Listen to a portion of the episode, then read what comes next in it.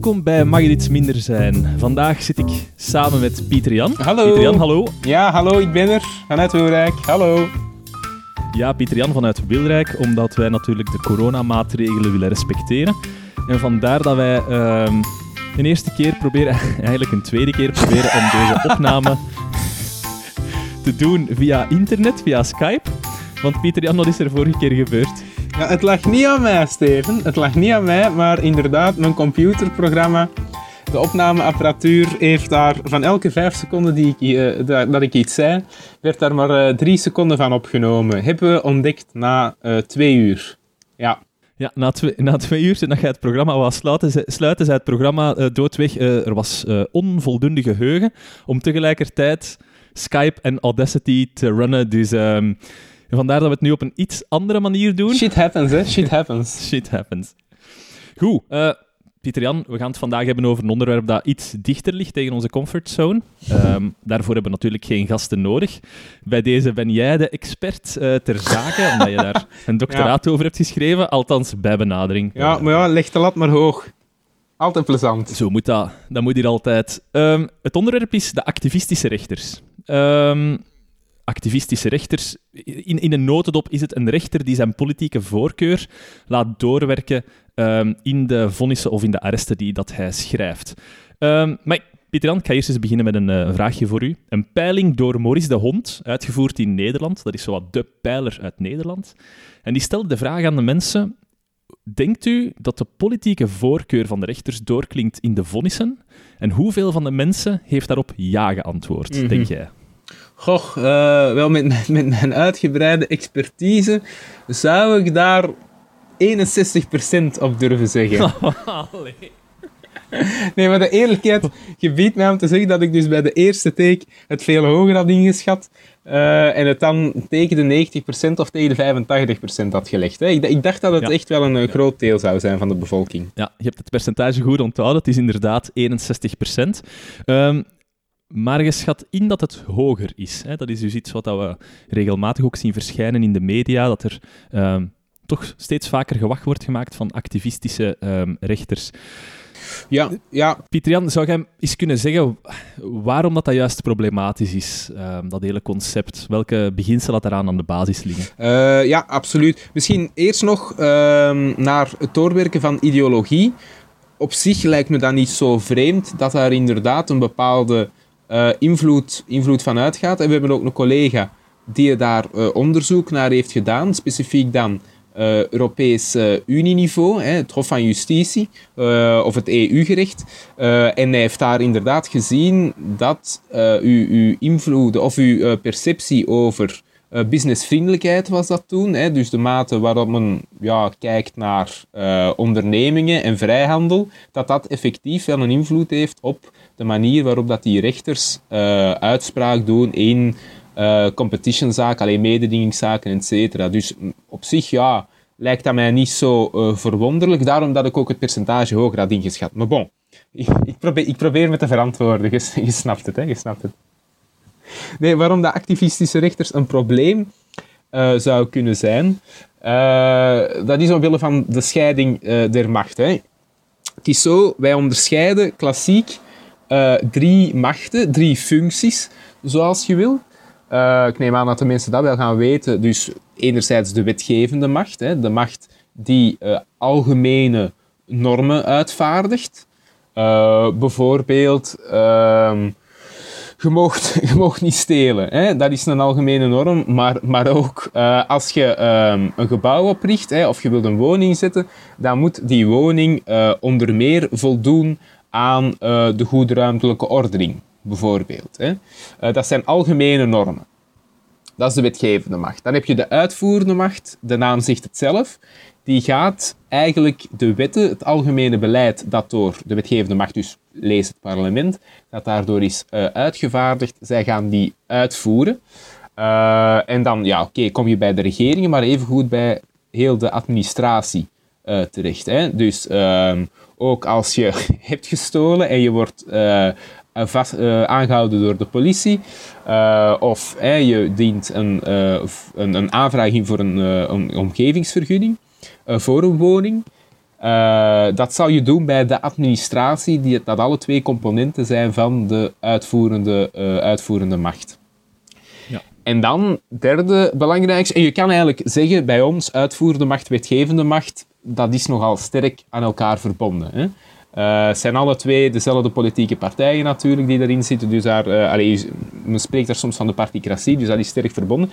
De derde macht staat daar meer, uh, sterker los van. Dat is de rechterlijke macht, die dan ja, in geschillen, geschillen over die regels of over de uitvoering van die regels, hè, wetgevende macht, uitvoerende macht, die daar um, uitspraak over gaat doen geschillen zowel tussen burgers onderling, als uh, dus geschil tussen burgers onderling, een huurgeschil, een koopgeschil, wat dan ook. Uh, ik vind het, het, huis dat ik huur van u, daar zijn problemen mee, of wat dan ook. Of ik betaal mijn huurgelden niet, zo'n geschillen. Maar ook geschillen tussen de burger en de overheid.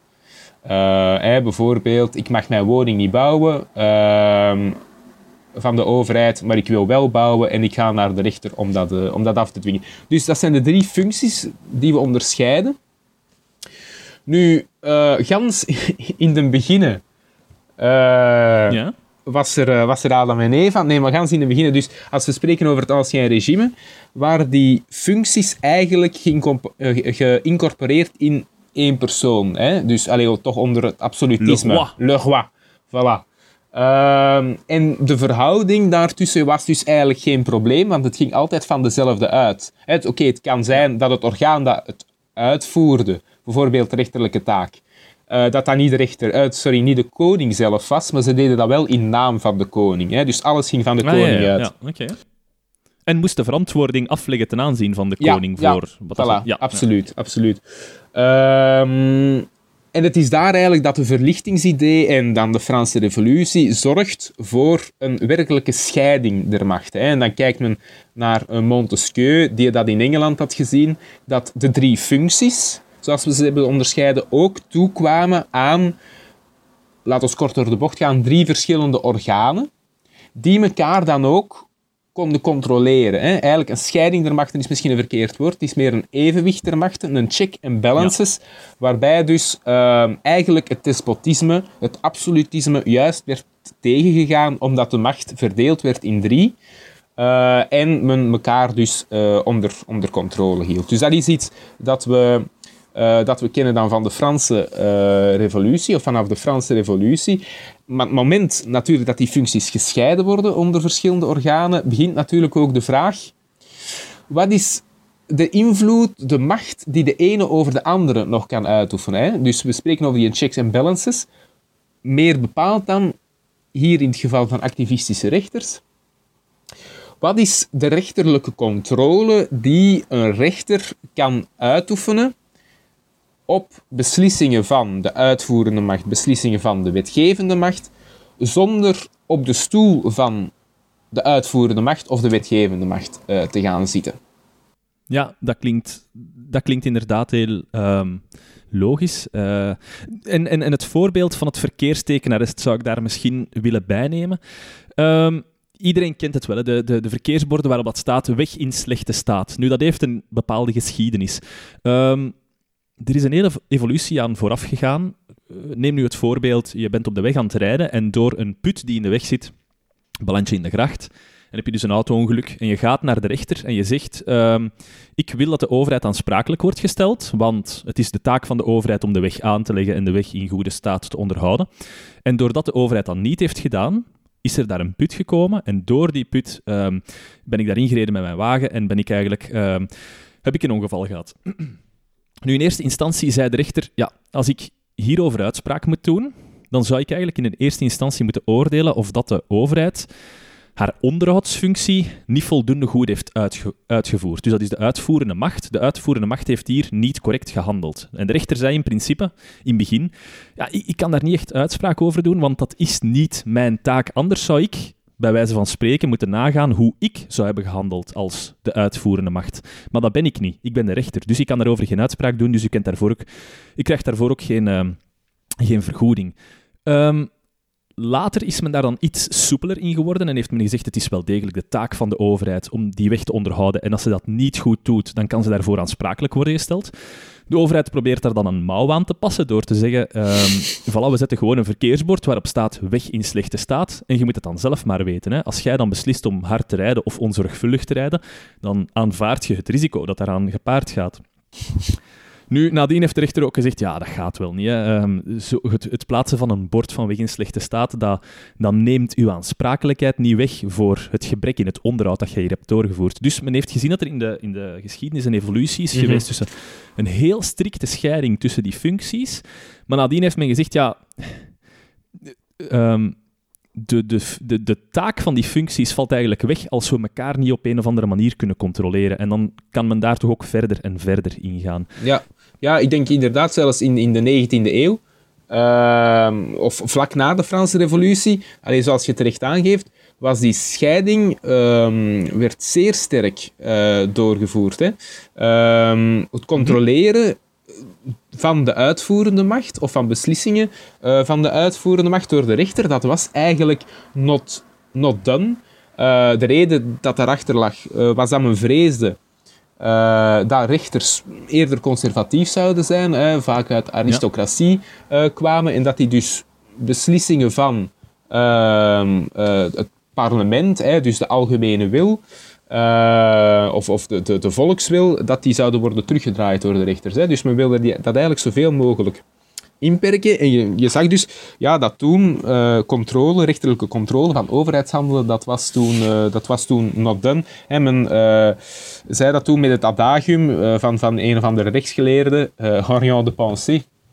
Man of naam doet er niet toe, de mens, de mens is al lang dood.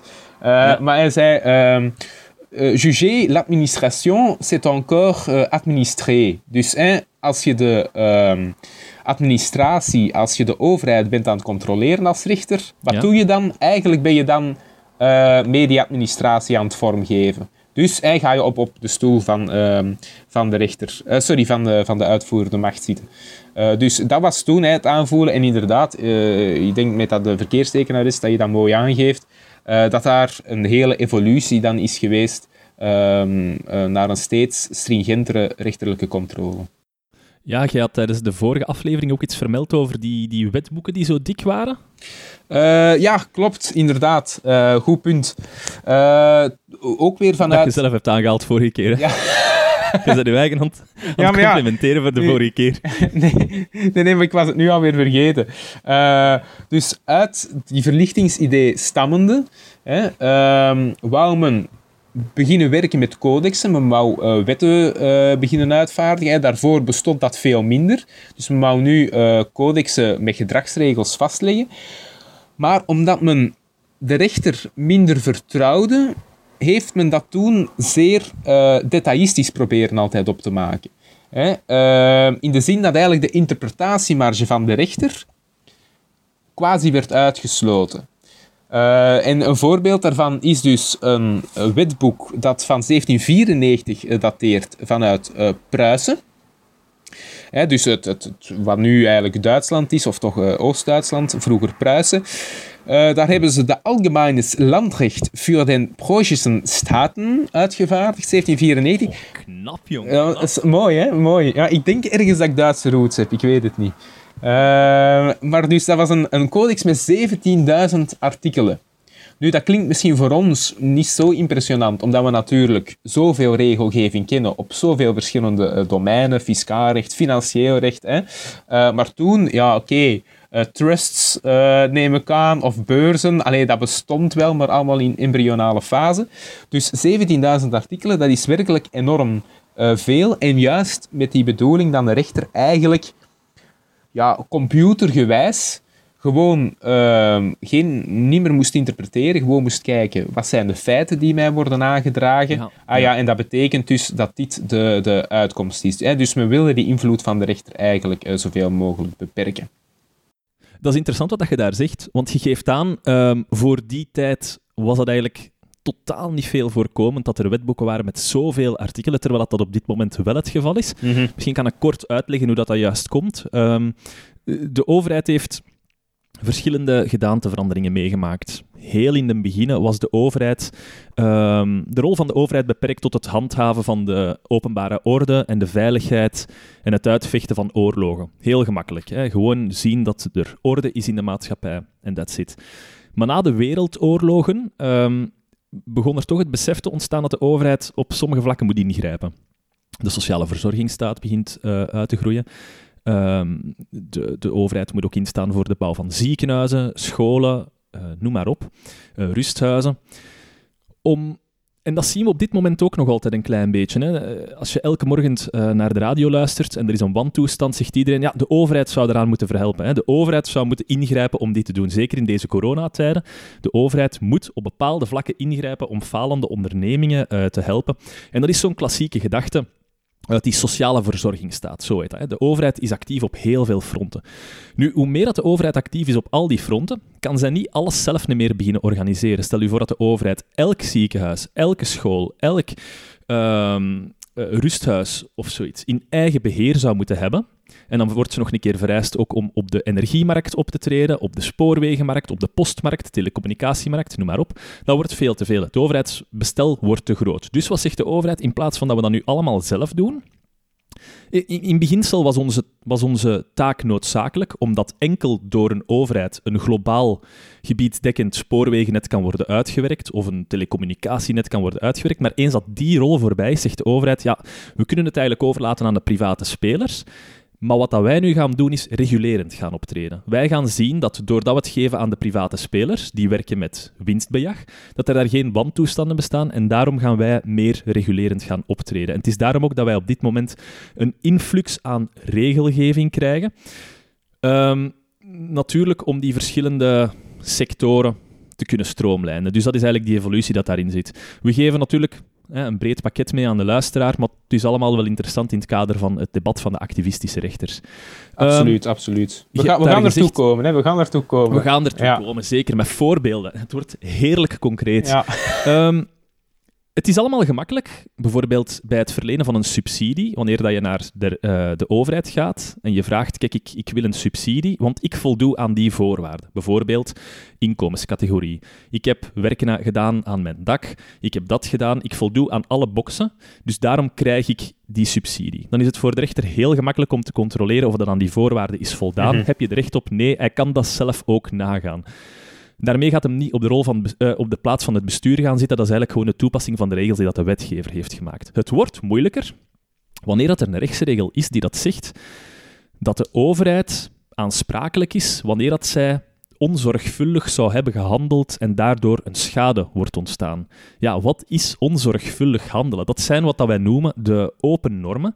En hoe vager, dat zijn eigenlijk vage normen, hè, hoe vager dat die norm is, hoe meer marge dat er is voor interpretatie. Ja, ja absoluut. Hetzelfde, terugkoppelend naar het voorbeeldje dat er straks ook werd gegeven, hè, die goede ruimtelijke ordening. Je wil een woning bouwen, dat moet voldoen aan de goede ruimtelijke ordening. Ja, begin maar eens. Hè. Wat is die goede ruimtelijke ordening? Uh, hoe moet de rechter dat gaan controleren als de overheid een bepaalde invulling uh, daaraan geeft? Ja, bij wijze van voorbeeld, goede ruimtelijke ordening, dat is um, u wilt een, een, een, een, kast van een villa zetten, maar met allemaal blinde muren en juist van achter een, een glaspartij. Ja, past zo'n soort van gedrocht in een villa-wijk van bijvoorbeeld de jaren 60 of de jaren 70? Dat is een inschatting die, oh, ja, daar is beleid dat daarmee te maken heeft. Er zijn stedenbouwkundige regels, maar je merkt dat het wat vaag is en dat de, de, de interpretatiemarge natuurlijk redelijk ruim gaat. Mm -hmm. Maar eh, daar, daar komt het begrip discretionaire ja. bevoegdheid en marginale toetsing aan te pas. Hè. Kun je dat eens uitleggen in... Dat zijn, dat zijn moeilijke begrippen voor de luisteraar, maar we kunnen het heel concreet uh, uitleggen. Ja, dat is dus de favoriet van elke eerste bachelor, uh, eerstejaars bachelorstudent. die worden daar werkelijk wild van, van die twee begrippen. Uh, nee, hè, dus zoals je terecht aangeeft, dat is een probleem. Discretionaire beslissingen, de rechterlijke toetsing daarvan. Wat is nu de oplossing die men daarbij... Wat is een discretionaire beslissing misschien eerst? Uh, ah, wel, dat is dus een beslissing waar dat er een appreciatiemarge uh, bestaat. Hè. Dus bijvoorbeeld die goede ruimtelijke ordening. Ja. Uh, daar is duidelijk, daar heeft de overheid een, een appreciatiemarge. Hetzelfde bij de, de, de, administratieve sancties, schatsancties. Hè. Ik denk dat dat nu met corona ook, ook het geval is, zeker. Ehm, als er uh, groeperingen zijn, hè, of er is een samenscholing van meer dan twee personen, dan kan er een boete worden opgelegd van 100 tot uh, 350 euro, bijvoorbeeld. Hè. Dus dat is een vork. 100 tot 350 euro. Je hebt er duidelijk een appreciatiemarge. Of ook uh, het voorbeeldje dat deze week nog in de, uh, de media heeft gehaald. Uh, ouderen. Hè. Ouderen mogen nog rusten op een bankje als ze gaan wandelen. Ja, wat, zijn, ja. wat zijn ouderen? Hè? Men heeft daar blijkbaar gekozen om niet te zeggen uh, 65 plus. Hè? Vanaf 65, dat is iets dat je heel Het kan nog wel redelijk aanstootgevend zijn hè? als je daar als politieagent toe komt en je moet beginnen trancheren of dat er iemand ouder is of niet. Effectief, effectief. Um, dus hè, men heeft daar uh, gekozen om niet een vaste, een vaste leeftijd op te leggen, maar ouderen. Dus dat zijn allemaal begrippen die appreciatiemarge toelaten. Dat noemen wij met een, met een chic begrip discretionaire bevoegdheden. Hè. Er is een discretionaire marge. Dus daar, rechterlijke toetsing, je voelt, dat wordt al problematischer. Uh, ja. De oplossing die men daar dan aan geeft, is dat de rechter zegt, wel, we gaan uh, die appreciatie die de overheid heeft gedaan, we gaan die niet voltoetsen. Hè, we gaan ons niet in de plaats stellen wat wij nu correct vinden. Nee, dat gaan we niet doen, dat gaan we niet zeggen. Wij gaan een, en nu maak ik uh, twee, twee uh, hoe noemen we dat? Hè? aanhalingstekens. Aanhalingstekens in de lucht, ja. wij hanteren een marginale toetsing. Dus wij gaan niet tussenkomen, um, of wij gaan enkel tussenkomen, beter, wanneer er sprake is van een kennelijke onredelijkheid. Wanneer ja. de overheid kennelijk onzorgvuldig heeft uh, gehandeld. En ja, hoe vult je dat dan in? Want oké, okay, je, je voelt ook aan, we zijn weer met abstracte begrippen bezig. Ja, de, ja, sorry. Ja, zeg maar. We zijn onlangs naar een, naar een seminarie geweest in, in Nederland, in Den Haag, en daar zaten een aantal hoge rechters bij elkaar. En die zeiden, ja, wanneer dat de rechter echt letterlijk van zijn, figuurlijk, van zijn stoel valt als hij die beslissing nee, ja, leest. Uh, absoluut. Hè. Dus uh, hoe, men, hoe dat men dat dan uh, lijkt in te vullen, het, het van de stoel vallen, hè, of een, een handelen dat door geen één redelijke overheid zou worden gesteld dat zijn natuurlijk van die... Van die dan mag de rechter wel ingrijpen, hè? Dan mag de rechter ingrijpen, maar gevoeld dat is een criterium dat zeer rechtsonzeker is. Hè? Wanneer valt ja. de rechter van zijn stoel? Bij u gaat dat, als wij twee rechters zouden zijn, jij zou vlugger of minder vlug van uw stoel vallen dan ik. Ja, ja, dus dat is, op zich is dat natuurlijk weer... En je ziet ook van je stoel vallen in de rechtspraak, men, men gaat wel vaak uh, verder. Hè. Als er een administratieve geldboete wordt opgelegd, men durft die al eens uh, te reduceren hè, of, of uh, te annuleren bij goede ruimtelijke ordening. Men durft daar al eens een ander oordeel over te vellen en men zegt dan dat dat kennelijk onredelijk is. Ehm, maar oké, ja, is men dan echt van de stoel gevallen? Dat is een andere vraag. Ehm, het is interessanter om te, te, te zien welke kapstokken gebruikt een rechter om dat begrip in te vullen. Hè? Uh, kennelijke onredelijkheid. En heel vaak gaat het dan ook, wordt dat dan gekoppeld aan motivering. Ja. Dus men kijkt naar het motiveringsproces van een overheid en men ziet, zijn er, spreekt men zich daar niet tegen? Hè? Heeft men een bepaald handeling gesteld, een bepaalde uitspraak gedaan? En zie je dat dat dan en cours de route verandert. En wordt dat dan gemotiveerd? Dat zijn natuurlijk wel, op die moment heeft een rechter kapstokken om inderdaad te zeggen, oké, kwit overheid, hè, nu doe je iets raar, dus misschien is dat wel kennelijk onredelijk. Hè. Dit, dit is geen mooie beleidslijn meer, dus uh, je doet iets raar, uh, dus dat is, uh, dat is kennelijk onredelijk. op die manier probeert men het dan min, of meer, min of meer in te vullen. Ja.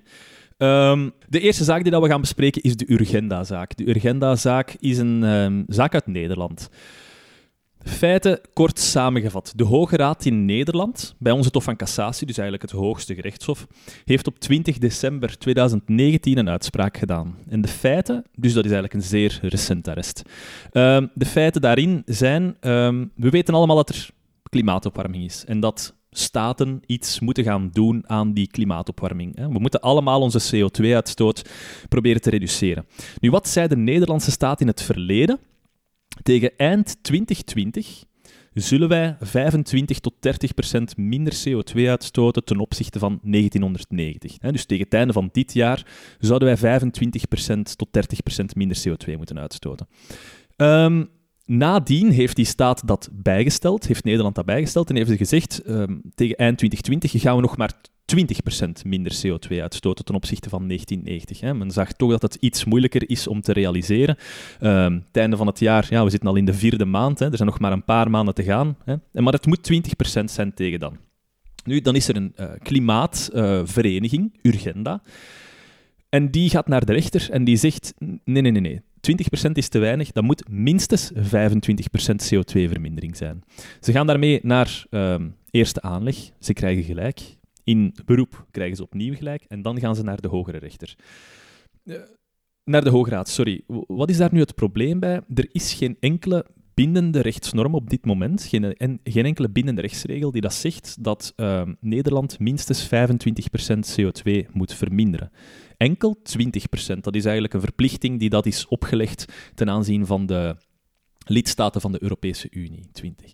En het EVRM moest, um, sorry, de Hoge Raad moest hier twee vragen oplossen in deze zaak. Ten eerste, is er een rechtsregel die dat de Nederlandse staat verplicht om maatregelen te nemen tegen klimaatverandering. Andere dan die 20% die dat we met de Europese lidstaten hadden verbonden. Is er eigenlijk een verplichting voor de Nederlandse staat om maatregelen te nemen in het klimaatverhaal? Want de redenering erachter is, ja, in het klimaatverhaal sta je niet alleen. De hele wereld stoot uit. En wat, wat gaat er nu van concrete gevolg zijn als wij Nederland onze maatregelen strenger stellen?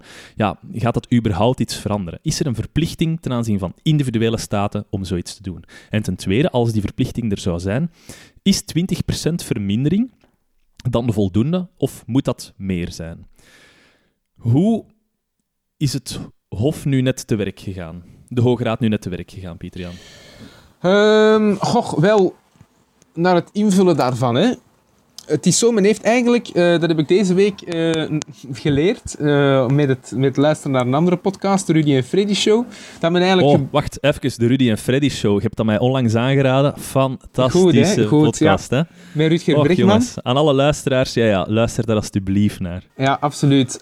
en dus daar uh, bleek dat de, de, hoger, uh, sorry, de eerste rechters uh, eigenlijk gebruik hebben gemaakt van uh, het kelderluikarrest of de kelderluikrechtspraak. Nee, dat ken ik niet. Nee, voilà, dat is eigenlijk hetzelfde als ons verkeerstekenarrest, maar dan in de Nederlandse context. Wat, wat, was er blijkbaar gebeurd in de jaren 60, 70? Ehm, er werd een lading frisdrank geleverd in een café. Men had... is altijd zo heerlijk concreet, hè? Heerlijk die, die principe-arresten, ja. Uh, dat werd dus geleverd ja, in de kelder. Hè. Men stokkeerde dat uh, in de kelder. Nu, dat kelderluik, dat, was, uh, dat zat in de gang tussen het café en het toilet. Hè. Blijkbaar een vrij donkere gang. Oh, ik zie uh, wat er al gebeurd is. Voilà, ja. je ziet inderdaad. Hè, dus men doet dat kelderluik open, men is daar aan het leveren. Frisdrank, het was blijkbaar van Coca-Cola. en er komt iemand uh, voorbij, en een toogganger, die wil naar dat toilet gaan, die ziet niet donkere gang, die ziet niet dat dat luik open staat en die stuikt daarin. Uh, uiteindelijk uh, is men dan veroordeeld, dat was dus privaat geschil. Heeft hij dat overleefd, even? dat weet ik niet. Ik neem aan van oh, wel. Nee, niet, niet relevant. Nee, niet relevant. Laat ons hopen van wel. Hè? Ja.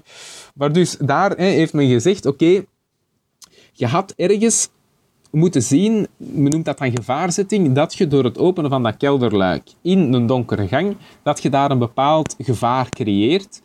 Uh, en je eigenlijk ergens een voorzorgsplicht om uh, ervoor te zorgen ja, dat je daar toch ofwel betere verlichting of wat dan ook. En het is een stukje hetzelfde met, met uw verkeers, uh, verkeerstekenaar is. Dus het feit dat je dat niet hebt gedaan, het feit dat je dat niet een afgebakende zone of wat dan ook maakt, dat je een fout hebt gemaakt, dat je niet zorgvuldig bent opgetreden en dat je aansprakelijk bent. Dat is eigenlijk het precedent waar men gebruik van heeft gemaakt. Nu, je voelt wel dat daar in dat geval, kelderluikarrest, is het eigenlijk gewoon iets waar dat men niet over heeft nagedacht. Hè. Die caféhouder of die leverancier van Coca-Cola, ja, die had waarschijnlijk gewoon nooit stilgestaan bij het feit dat er eh, wel eens een probleem zou kunnen zijn, dat er een gevaar zou kunnen zijn. Uh, en Oké, omdat men dat niet heeft gedaan, is men aansprakelijk. Hè? Uh, zorgvuldigheidsplicht, voorzorgsplicht. Hier zitten we natuurlijk met een ander uh, paar mouwen. Hier heeft de, heeft de Nederlandse overheid zich wel gecommitteerd tot een bepaald beleid. Hè? Men heeft de situatie ingeschat. Men heeft gezien, er is een bepaald gevaar, klimaatopwarming. En men heeft daar ook stappen tegenover gezet. Hè? Men heeft gezegd, uh, uiteindelijk, we gaan naar 20% uh, reductie dat is al moeilijker uh, wat de overheid, of sorry, wat de rechter dan hier doet, om dat dan eigenlijk te verhogen naar, naar 25 Hoe, hoe komt men daartoe? Ja, dat is ook weer het zoeken naar kapstokken. Hè. Een van de kapstokken, en ik denk min of meer de belangrijkste, ja, is natuurlijk ook het feit dat er qua klimaatopwarming eigenlijk een consensus, een wetenschappelijke consensus bestaat dat er uh, een opwarming bestaat en dat als we dat niet onder de 2 graden of wat is het, of de, eh, eigenlijk liever anderhalve graad houden, houden dat dat ja, tot zo'n grote gevolgen kan leiden dat, dat toekomstige generaties zwaar geïmpacteerd gaan worden.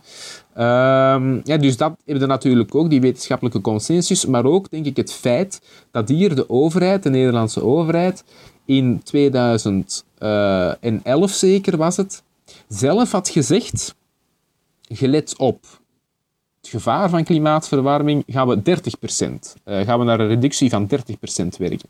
Ja. En men heeft dat dan uh, op een bepaald moment, ergens na 2011, heeft dat beleid teruggeschroefd. En blijkbaar heeft men dat ook teruggeschroefd zonder daar een reden voor te geven. Dus terugkomend op wat we daar juist zeiden, de overheid volgt eigenlijk een beleidslijn. De overheid geeft toe van mannetjes, het wordt hier wel erg. Uh, we gaan naar 30% moeten gaan. En de overheid verandert daar beleid, maar geeft daar eigenlijk geen verklaring voor. Dat is weer een kapstok die een rechter kan aanhalen om te zeggen van oké, okay, quit. Dat is wel heel raar wat je doet, je geeft er geen motivering voor. Ja. Ja. Uh, hier gaan we verder. Hè. Hier gaan we... Maar dat is voor de, voor de rechter nog altijd de rechter kan die afweging wel maken, maar daar is meest nog altijd geen uitspraak gedaan. Moet de overheid überhaupt optreden om die klimaatverwarming tegen te gaan? Um, en dan hebben ze eigenlijk de je gaat dat nog een paar keer horen als luisteraar in deze podcast, de omweg via de mensenrechten. Um, wat wil dat nu eigenlijk zeggen? Wel, mensenrechten staan neergeschreven bij ons toch onder meer in het Europees Verdrag voor de Rechten van de Mens. En twee artikelen zijn daarbij relevant in deze zaak. Dat is artikel 2, uh, dat beschermt het recht op leven. Hè. En artikel 8, de eerbiediging van het privé- en het gezinsleven. Die artikels worden redelijk vaak ingeroepen. Um, artikel 2, dus de bescherming van het recht op leven in de zin van bij vluchtelingen. Als er iemand naar hier komt en die wil hier asiel aanvragen, dan zegt hij, ja oké, maar als ik word teruggestuurd, dan kan ik daar waarschijnlijk worden vermoord. En dus hè, dan zou mijn recht op leven geschonden worden. Recht op eerbiediging van uw privé- en uw gezinsleven, dat is eigenlijk het recht op privacy, wordt meer gebruikt in privacy-debatten. Um, nu, de vraag is, worden die twee artikelen... Zou Nederland deze artikelen schenden als zij geen maatregelen neemt om klimaatopwarming tegen te gaan? Ik heb daarnet gezegd, wat kunnen wij als individuele staat doen? um, de, de, de, de idee erachter zou zijn, mocht de zeespiegel in Nederland 2, 3 of zelfs 5 meter stijgen, ja, dan um, verliezen we de helft van Nederland. Dan zou dat weg zijn, waardoor dat er ook een aantal mensen zouden komen te overlijden en waardoor dat mensen hun privé en hun familieleven wordt aangetast. Dus eigenlijk het stilzitten van de overheid zou wel eens kunnen leiden tot een schending van die bepalingen. In, eerst, in, eerst en vooral komen ze daar tot de conclusie, ja, de Nederlandse staat moet optreden. En de, de idee erachter is, als iedereen gaat stilzitten, ja, dan komen we uiteraard uh, met die problemen. Dus elke staat hier heeft een individuele verantwoordelijkheid om die klimaatopwarming tegen te gaan. Ik weet niet, wou jij iets zeggen, Pieter Uh, nee, sorry, sorry. Nee, ik was, ik was niet aan het zwaaien. Nee. Ah, oké, oké. Ehm, dus uh, het, het Europees Verdrag voor de Rechten van de Mens zegt dat je moet optreden als er een real and immediate danger is. Ja, oké.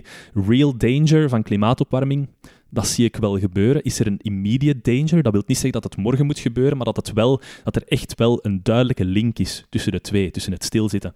Dus daaruit heeft um, de Hoge Raad afgeleid, ja, er is een verplichting voor de Nederlandse staat om op te treden. Goed, dan moesten ze uitspraak doen over de, over de vraag, is 20% nu net voldoende? Het belangrijkste argument dat ik daar net heb aangehaald is, er is geen enkele verplichting, behalve dan op Europees vlak, die dat zegt dat de Nederlandse staat meer dan 25% moet terugdringen. Allee, 20 25% of meer moet terugdringen. Hoe zijn ze daar nu net toe gekomen?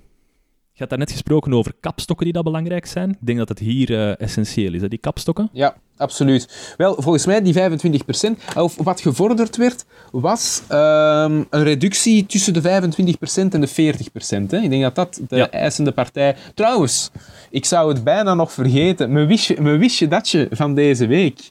Urgenda, ja? Steven. Ja, ja.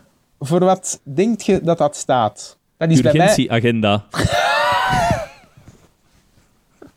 Nee, nee. De eerste keer dat je het mij vroeg, dacht ik dat het iets te maken heeft met urgentie. Ja. Uh, ah ja, ik, ik wist het absoluut niet. Nee, ik dacht dat dit exotisch was. Uh, ik heb het deze week ook eens voorgelegd aan, uh, aan kameraden. En ja, die vonden dat allemaal heel obvious, urgenda. Wacht, was het urgentie- en klimaatagenda? Is dat? Ja, urgentie en agenda. Ja, dan, ah, ja, ja. ja. ja. dus okay. urgenda.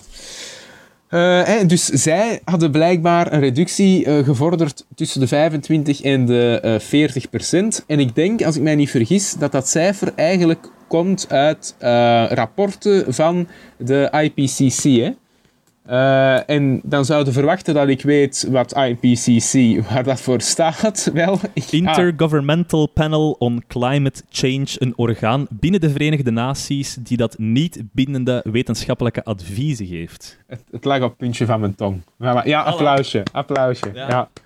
ja. Uh, dus ja, dat is natuurlijk een heel belangrijke kapstok dat men uh, eigenlijk experten heeft die uh, zo'n zo'n reductie naar voren schuiven. Ik denk dat dat uh, de, de, eerste belangrijke kapstok is. Het tweede, hè, maar dat hebben we al er juist gezegd, het feit dat de overheid zelf, hè, want experten dat is één ding, maar dat de overheid zelf eigenlijk al in haar beleidsdoelstellingen enkele jaren geleden 30% naar voren heeft geschoven. Uh, en, uh, en dan dat beleid dan, dan verandert. en je ziet dat dat twee belangrijke argumenten zijn, want men heeft uiteindelijk het, het uh, reductiepercentage dat dan is opgelegd, die 25%, dat is juist eigenlijk die ondergrens. Hè. Men heeft ja. zelfs geen 30%, het is die 25%. Dus men heeft daar nog altijd zeer terughoudend in willen zijn, rechter zijnde, maar wel, uh, wel ja, consequent in de zin van uh, terugrefererend naar die experten en naar uh, die, die vroeger aangegane engagementen. Ja.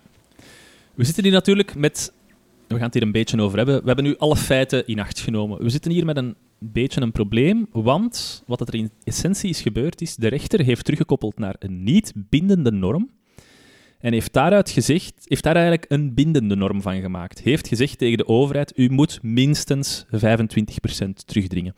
En ik ben op zich op dat vlak wel een technocraat. Ik vind het leuk dat het beleid in coronatijden mee wordt geschreven, althans toch mee wordt geadviseerd door corona-experten en dan wordt opgevolgd door de overheid. Dat vind ik goed. Mhm. Maar de vraag is, ja, die 25%, vind je dat, wringt er daar iets bij u of niet?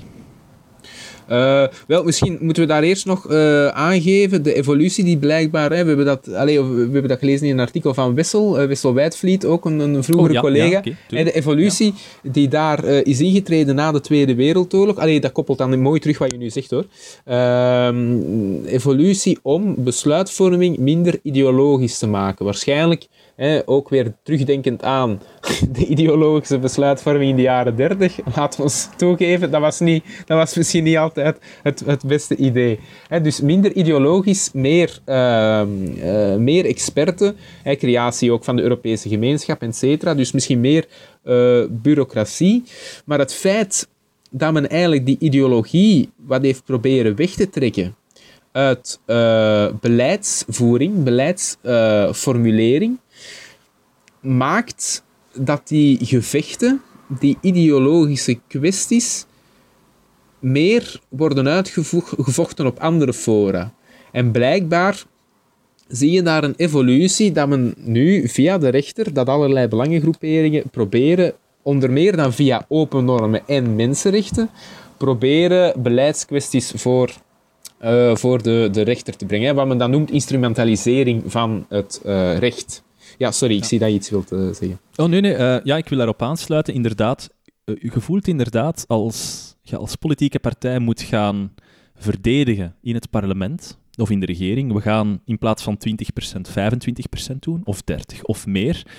Er gaan een hele kosten aan verbonden zijn. Dat gaat geen populaire maatregel zijn. En we zitten nu net in een tijd waarin dat uh, populaire politieke partijen terug enorm aan het winnen zijn. Dus de stem van het volk. Hè. De Vlaming heeft gezegd dat, dat is allemaal heel belangrijk. En de Vlaming wil uiteraard niet um, dat er in zijn vel gesneden wordt. Hè. Wij willen gewoon blijven doorleven gelijk als dat het op dit moment is. Maar iemand gaat het voorbeeld moeten geven. Gaat het de politieke partij zijn? Wel, op dit moment gevoeld dat de politieke partijen slap, uh, slap zijn. Um, ze willen, voor, ze willen voorzichtig zijn, voornamelijk dat. Hè. De groen die proberen dan vooruitstrevend te zijn. Um, maar die worden daar dan ook niet altijd uh, voor beloond. Dus is het natuurlijk gemakkelijk dat je iemand anders voor u de kastanjes uit het vuur laat halen. Hè? Dus je zegt, ja. wij gaan zelf uh, matig optreden, wij gaan matige maatregelen voorstellen. En als er dan een rechter komt die dat zegt, nee, nee jongens, het is 25% of meer, dan kan je nadien gaan zeggen in de krant, Our hands are tied. We hadden dit liever niet gewild, maar ja, kijk, er is nu een rechterlijk bevel en het gaat hier geld gaan kosten. Um, dat is ook een professor Jan Smits die dat, dat zei aan de Universiteit van Maastricht. De, de, um, de zanger, hè? De zanger. de prof dus, Jan Smits, die dat zegt. Um, daar gelaten wat je er ook van vindt, of dat hij een activistische rechter was of niet. Dit soort van rechtspraak uh, maakt natuurlijk wel goed wat de, recht, wat de wetgever op lange ter, uh, sinds lang niet bereid of niet toe in staat leek te zijn. Ja, zeg maar. Ja. Ik hoor hem liever zingen, maar... Allee.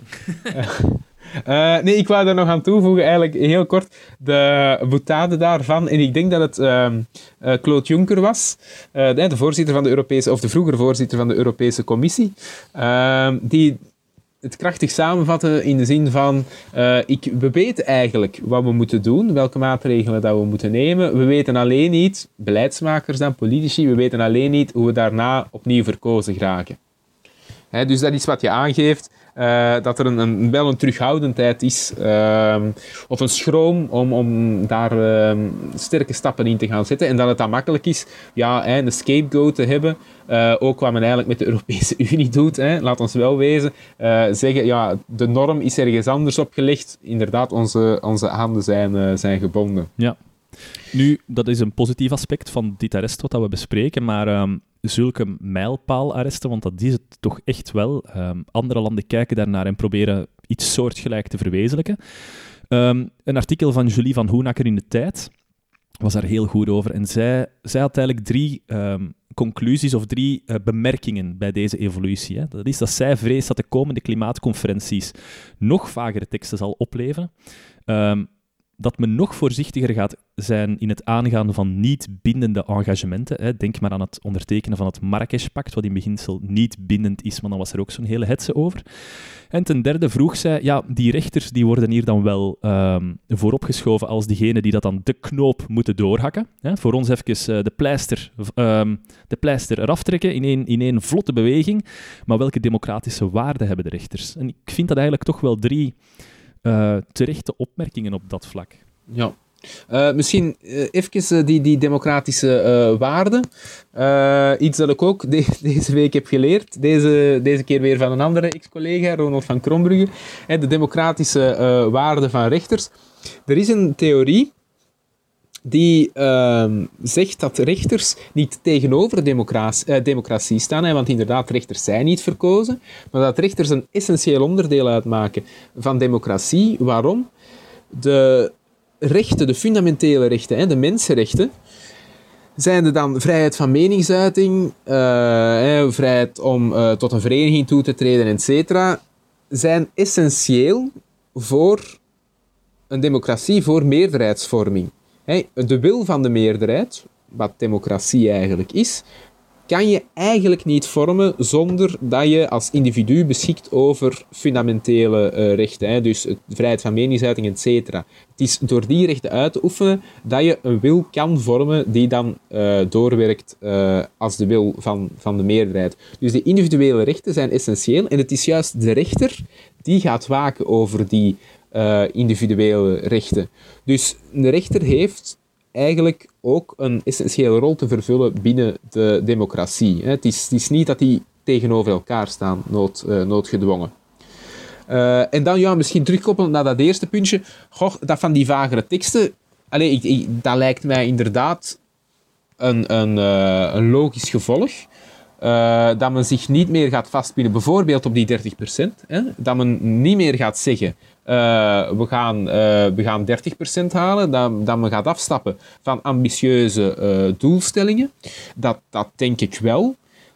maar oké, ik vraag me dan ook af, is dat een probleem? Hè? Als je de doelstelling toch niet wilt halen, als het toch maar window dressing was, en om u dan populair te maken, het zij nationaal, het zij op een internationaal forum, ja, allee, daar, daar, daar kopen we niks mee. Ja, langs de andere kant kan ik het tegenargument geven. Um, je kunt wel altijd de spiegel voorhouden voor het bestuur. Als ze dan toch niks doen, kan je natuurlijk als drukkingsgroep of als oppositiepartij zeggen: ja, maar ja, uh, meneer de premier, u hebt daar wel, oh, mevrouw de premier, u hebt daar dus wel uh, internationaal gaan verkondigen dat wij 30% gaan halen. En nu ineens dring je dat hier terug tot 10%. Dat je dat eigenlijk gebruikt als drukking, maar dan in het parlement in plaats van voor de rechter. Of, of in de kranten of in de tijdschriften dat dat wordt gebruikt als uh, ja, drukkingsmiddel. Oké, ja. Ja. Uh, ja, dat is een mooie. Zo had ik het eigenlijk nog niet, uh, nog niet bekeken. Ehm, ja. Ja, oké. Dat is inderdaad misschien daar een ja, gevaar. Ik, ik, ik, we zijn maar maar aan het brainstormen, hè, wat dat de effecten kunnen zijn. Je, je had ook gezegd er moet in rekening worden gebracht dat Nederland vroeger al gezegd had, we gaan um, 25 tot 30 procent uh, terugdringen. Ik denk dat dat cruciaal is, gezegd, ja. ja jij, had gezegd dat dat essentieel is in deze overweging, maar dan wil ik nu even de, de, de tegenovergestelde vraag stellen. Stel je nu voor dat Nederland niet notwaar klimaatskeptisch is. Dat Nederland zegt, allez, klimaatopwarmingsskeptisch is, dat zij al jaren hebben gezegd... Um, Klimaatopwarming, dat is iets van alle tijden, dat is er altijd al geweest. De mens heeft dat totaal niet veroorzaakt en wij gaan geen enkele moeite doen om ons beleid terug te dringen. Hè? Je had daarnet gezegd, als, als het bestuur ineens het beleid zoals wijzigt, ja, ze gaat gaan motiveren. De rechter gaat kijken, ja, hoe was uw beleid in het verleden? Zou dat hier een verschil maken in deze zaak? Mocht Nederland altijd al gezegd hebben, no, die maatregelen komen er niet bij ons. Ja, uh, ja ik denk wel sowieso dat dat een verschil gemaakt naar kapstokken toe. Uh, je had dan niet meer gebruik kunnen maken van de kapstok van de motivatie. je hebt een bepaalde lijn en je wijkt daarvan af. Dat wil natuurlijk niet zeggen dat er geen andere kapstokken zijn. Uh, in deze zou ik me kunnen voorstellen, als alle andere landen, natuurlijk het is niet dat alle andere landen zo goed bezig zijn, uh, maar stel dat alle, andere landen nu wel uh, naar 30% of naar 35%, 40% zouden evolueren en Nederland daar als enige uh, achterblijft en zeggen inderdaad, het, is, nee, nee, het, is, het, is, geen probleem, het ligt niet aan de mens, we kunnen daar allemaal niks aan doen, het is in de handen van God ik denk dat je dan als rechter weer kan refereren. Kijk, alle andere landen doen het. Blijkbaar is er toch een norm. Hoewel die dan niet in, steen gebeiteld is. Maar we zien toch dat er een bepaalde norm is. Wederom, ja, motiveer is waarom uh, beantwoorden wij niet aan die norm. Ja, en als de, de motivering dan inderdaad niet voldoende is, of zijnde, hè, het is allemaal in, in de handen van God, of wat dan ook, ja, dan kan ik mij wederom voorstellen dat dat voldoende kapstok is uh, om, om de rechter uh, te laten beslissen dat er inderdaad meer moet, meer moet gedaan worden. Ten andere, allee, dan moeten we misschien ook zeggen, de rechter heeft die Rengo opgelegd hè, dat er een reductie moet zijn van 25%. De rechter heeft niet opgelegd in wat die reductie moet uh, bestaan. Hè. Uh, dus dat zou nog weer een stap verder zijn als een rechter zelf met zijn lijstje, uh, met zijn boodschappenlijstje zou afkomen van oké, dit is het traject dat we gaan volgen. We gaan zoveel meer centrales plaatsen. we gaan meer investeren in dit en dat. Dat is natuurlijk weer een stap verder. Dat is weer, weer meer naar beleid toe. Wat we trouwens... In België bestaat er een casus van, hè, naar, naar vluchtroutes over Zaventem. Ehm, de, de vluchtroutes die waren uitgestippeld, waarbij een rechter dus had gezegd, dus ik weet het niet, maar dat meer over Brussel geleid of meer over Vlaanderen, dat wil ik, eh, dat wil ik kwijt zijn. Maar dus een rechter had gezegd, ja oké, maar eigenlijk, ik vind het toch beter dat we het zo doen. Hè. Die, die had eigenlijk een alternatief op tafel gelegd, wat hij beter vond. Maar ja, dat is natuurlijk een stap uh, een stap te ver. Dat is ja, niet de taak Terwijl dat eigenlijk een resultaat was van politieke onderhandelingen die al jaren aanslepen tussen de verschillende gewesten. En dan gaat de rechter daar op zijn eentje zeggen, nee, dat is hier niet, uh, dat is hier niet mooi uitgevoerd. Ja, ja, inderdaad. Um, om, om het hoofdstuk van uh, de Urgenda af te sluiten. toch nog eraan toevoegen dat dezelfde advocaat, ehm, Roger Cox, Roger zou ik willen zeggen, maar ik denk dat dat in het Nederland Roger is. De Roger. Ehm, die gaat nu eh, achter Shell aan. Samen met Milieudefensie, um, die vereniging, willen ze um, dat olieconcern voor de rechter aansprakelijk stellen voor uh, haar aandeel in de klimaatopwarming. Uh, met dus de hoop dat dat de, de, koers van het bedrijf duurzamer gaat worden. Hè? Dat dat zal wijzigen in een duurzame richting. Ah, wel, daar, uh, daarvoor moeten, uh, als je daarvoor interesse hebt, naar uh, Freddy en Rudy. Of Rudy en Freddy Show, die hebben daar een aflevering over. Ja. Waar dat de, dus ook de Cox, of de Wout, nee, de, de, hoe zegt hem, is de Roger? Roger. Roger, Roger. Cox. Roger. waar ja. dat hij ook uh, aan bod komt. Allee, hij ja, komt daar, over de Rudy en Freddy show. Um, dus Rutger Brechtman, wij zijn daar onlangs naar gaan kijken in de Arenberg-schouwburg, toen dat de maatregelen nog niet van kracht waren. waarom de meeste mensen deugen. Was me dat een goed nieuwsshow, zeg? Ho. De scepticus in mij, die, zat daar, die had het moeilijk. Die had het wel moeilijk, ja. Uh, wel, het was opvallend, zeer opvallend, uh, de, de samenstelling van de zaal, hoe dat die inderdaad, want er zaten bepaalde uh, bekende personen, bekende politici, en die kwamen inderdaad allemaal uit de linkerhoek. de van, linker tot extreem linkse hoek wel, hè? Ja.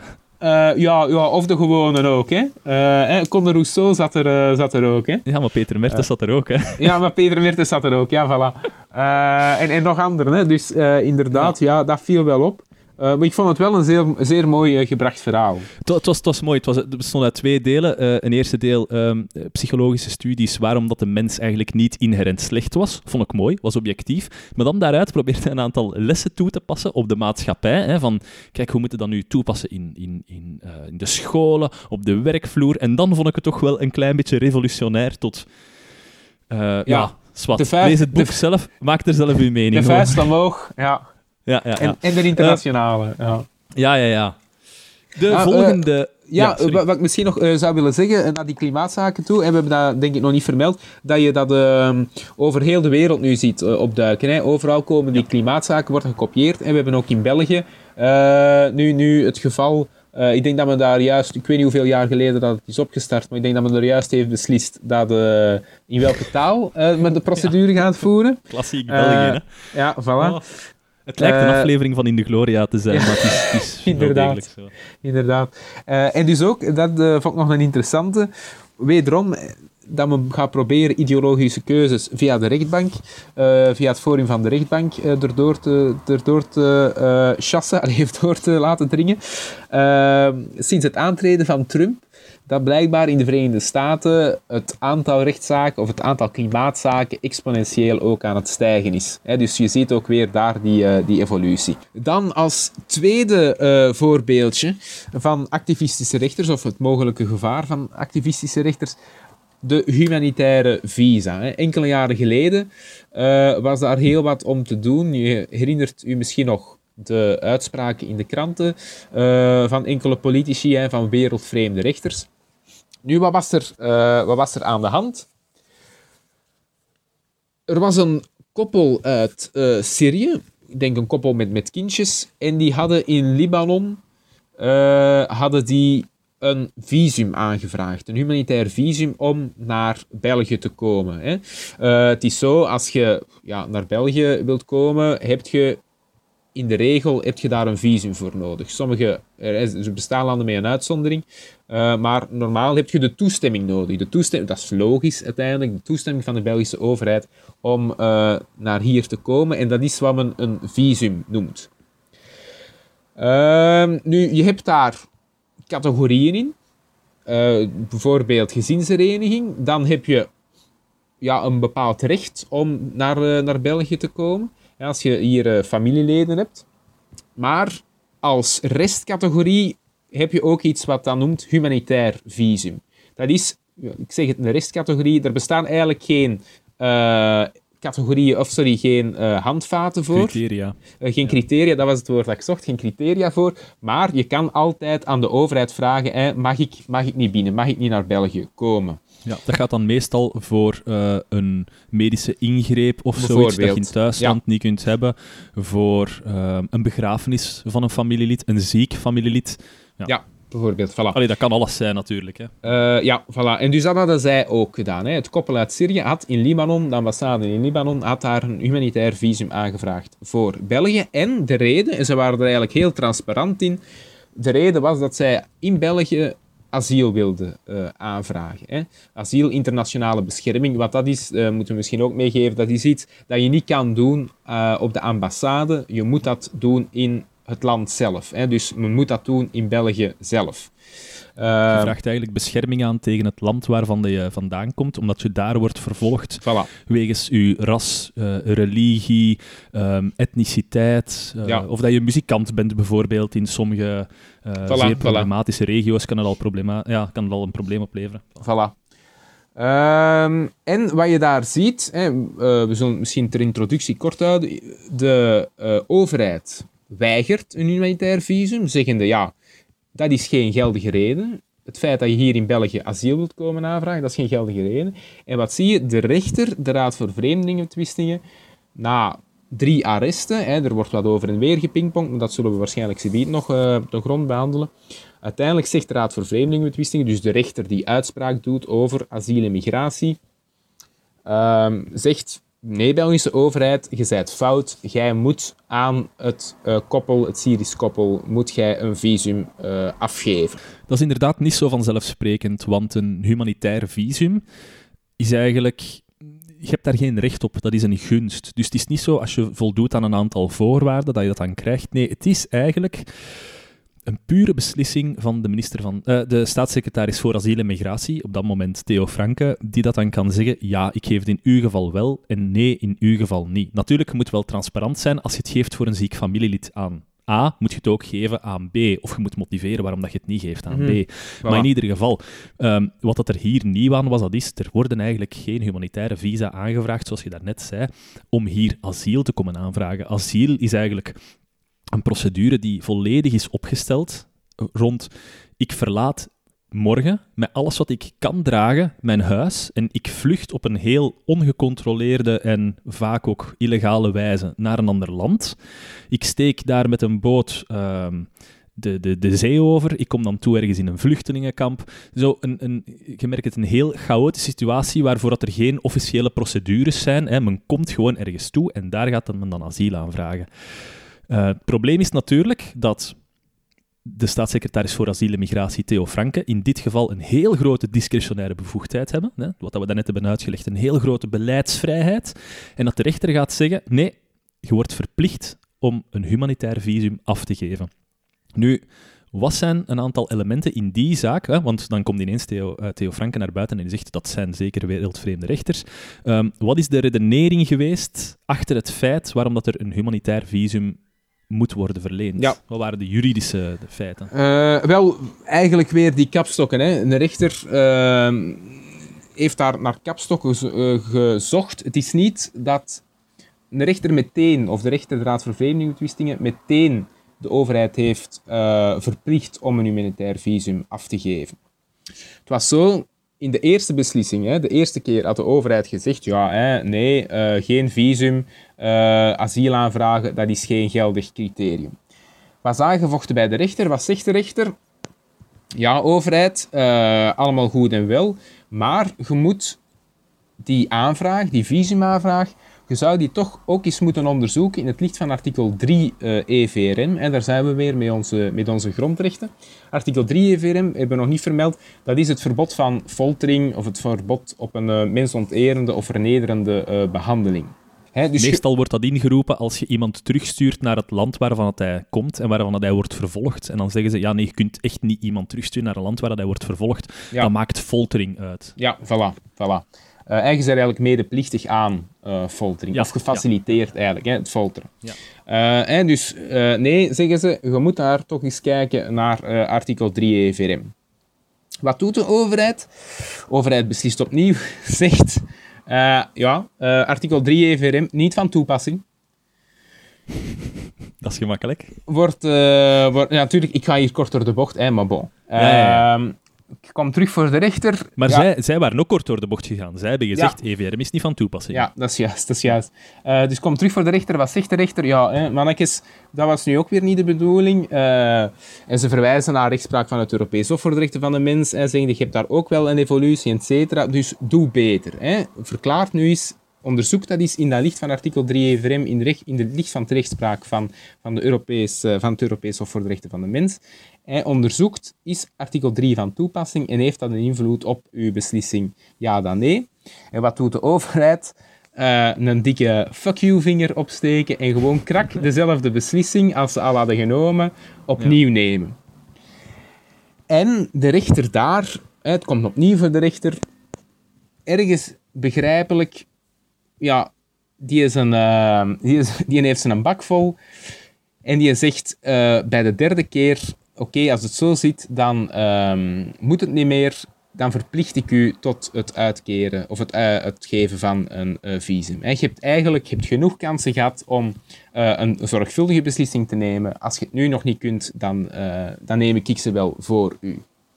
Miss- Misschien toch even de, de kaart van de, van de staatssecretaris, althans de dienst Vreemdelingenzaken, die natuurlijk onder de staatssecretaris hangen.